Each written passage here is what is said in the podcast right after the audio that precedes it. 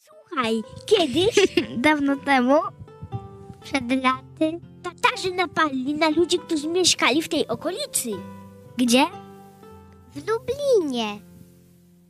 Wszyscy uciekali w takim pośpiechu, że nie zabrali ze sobą nic do jedzenia ani do picia. Gór doskwierał dorosłym i dzieciom.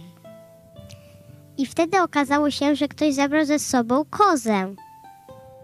Zjedli kozę, czy nie zjedli kozy? Nie, pili kozie mleko i to uratowało im życie. Później odbudowali miasto. Rozbudowali je i pojechali do króla, by nadać miastu herb, podobno do Władysława Łokietka. Czy wiecie, co to jest herb? Herb polski to godło, orzeł biały w koronie na czerwonym tle. Ale o Lublinie mówimy. Królowi spodobała hi- się historia o kozie i plan, by umieścić ją w herbie Lublina. Zamówienie na jego wykonanie złożono u krakowskiego malarza.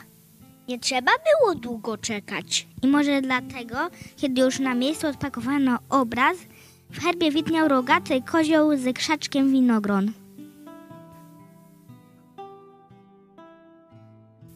Nie koza! Czuf.